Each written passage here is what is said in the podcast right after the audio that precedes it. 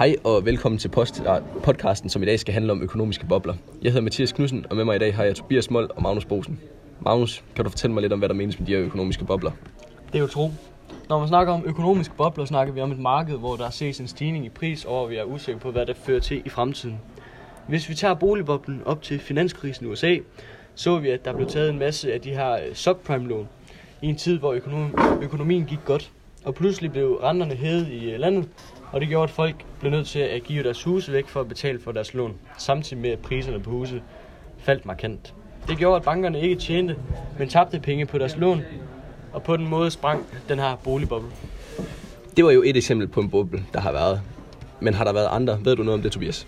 Ja, det gør jeg. I 1990 var der IT-boblen, som handlede om, at der kom det her internet, som vi alle er så glade for i dag. Der var rigtig mange nye virksomheder, som ville ind på det her marked, og alle så en fremtid i det. Så der var rigtig mange investorer, som smed rigtig mange penge i alle de, de her nystartede virksomheder. Det gik også rigtig godt, men lige pludselig sprang den her boble, og alle investorerne tabte en masse penge. Der er også mange, der mener, at disse dage er ved at opstå en ny IT-boble. Men jeg kan ikke sige mere om det, da jeg ikke helt er med på, hvad der menes.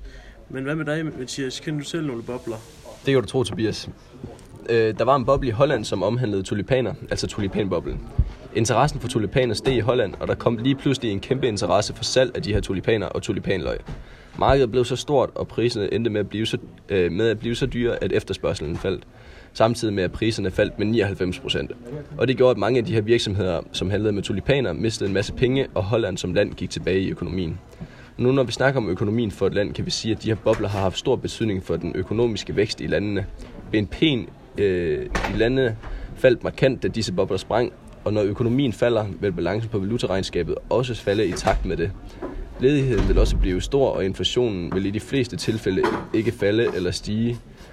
Øh, men der ses nogle gange, at der sker en deflation, men ikke så ofte.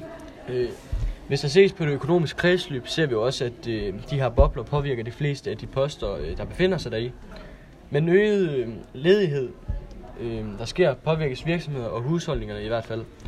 Øh, der vil ikke blive handlet så meget med udlandet, da, det, da der sker den her nedgang i økonomien, og mange vil nok gå ned og hæve deres penge i banken.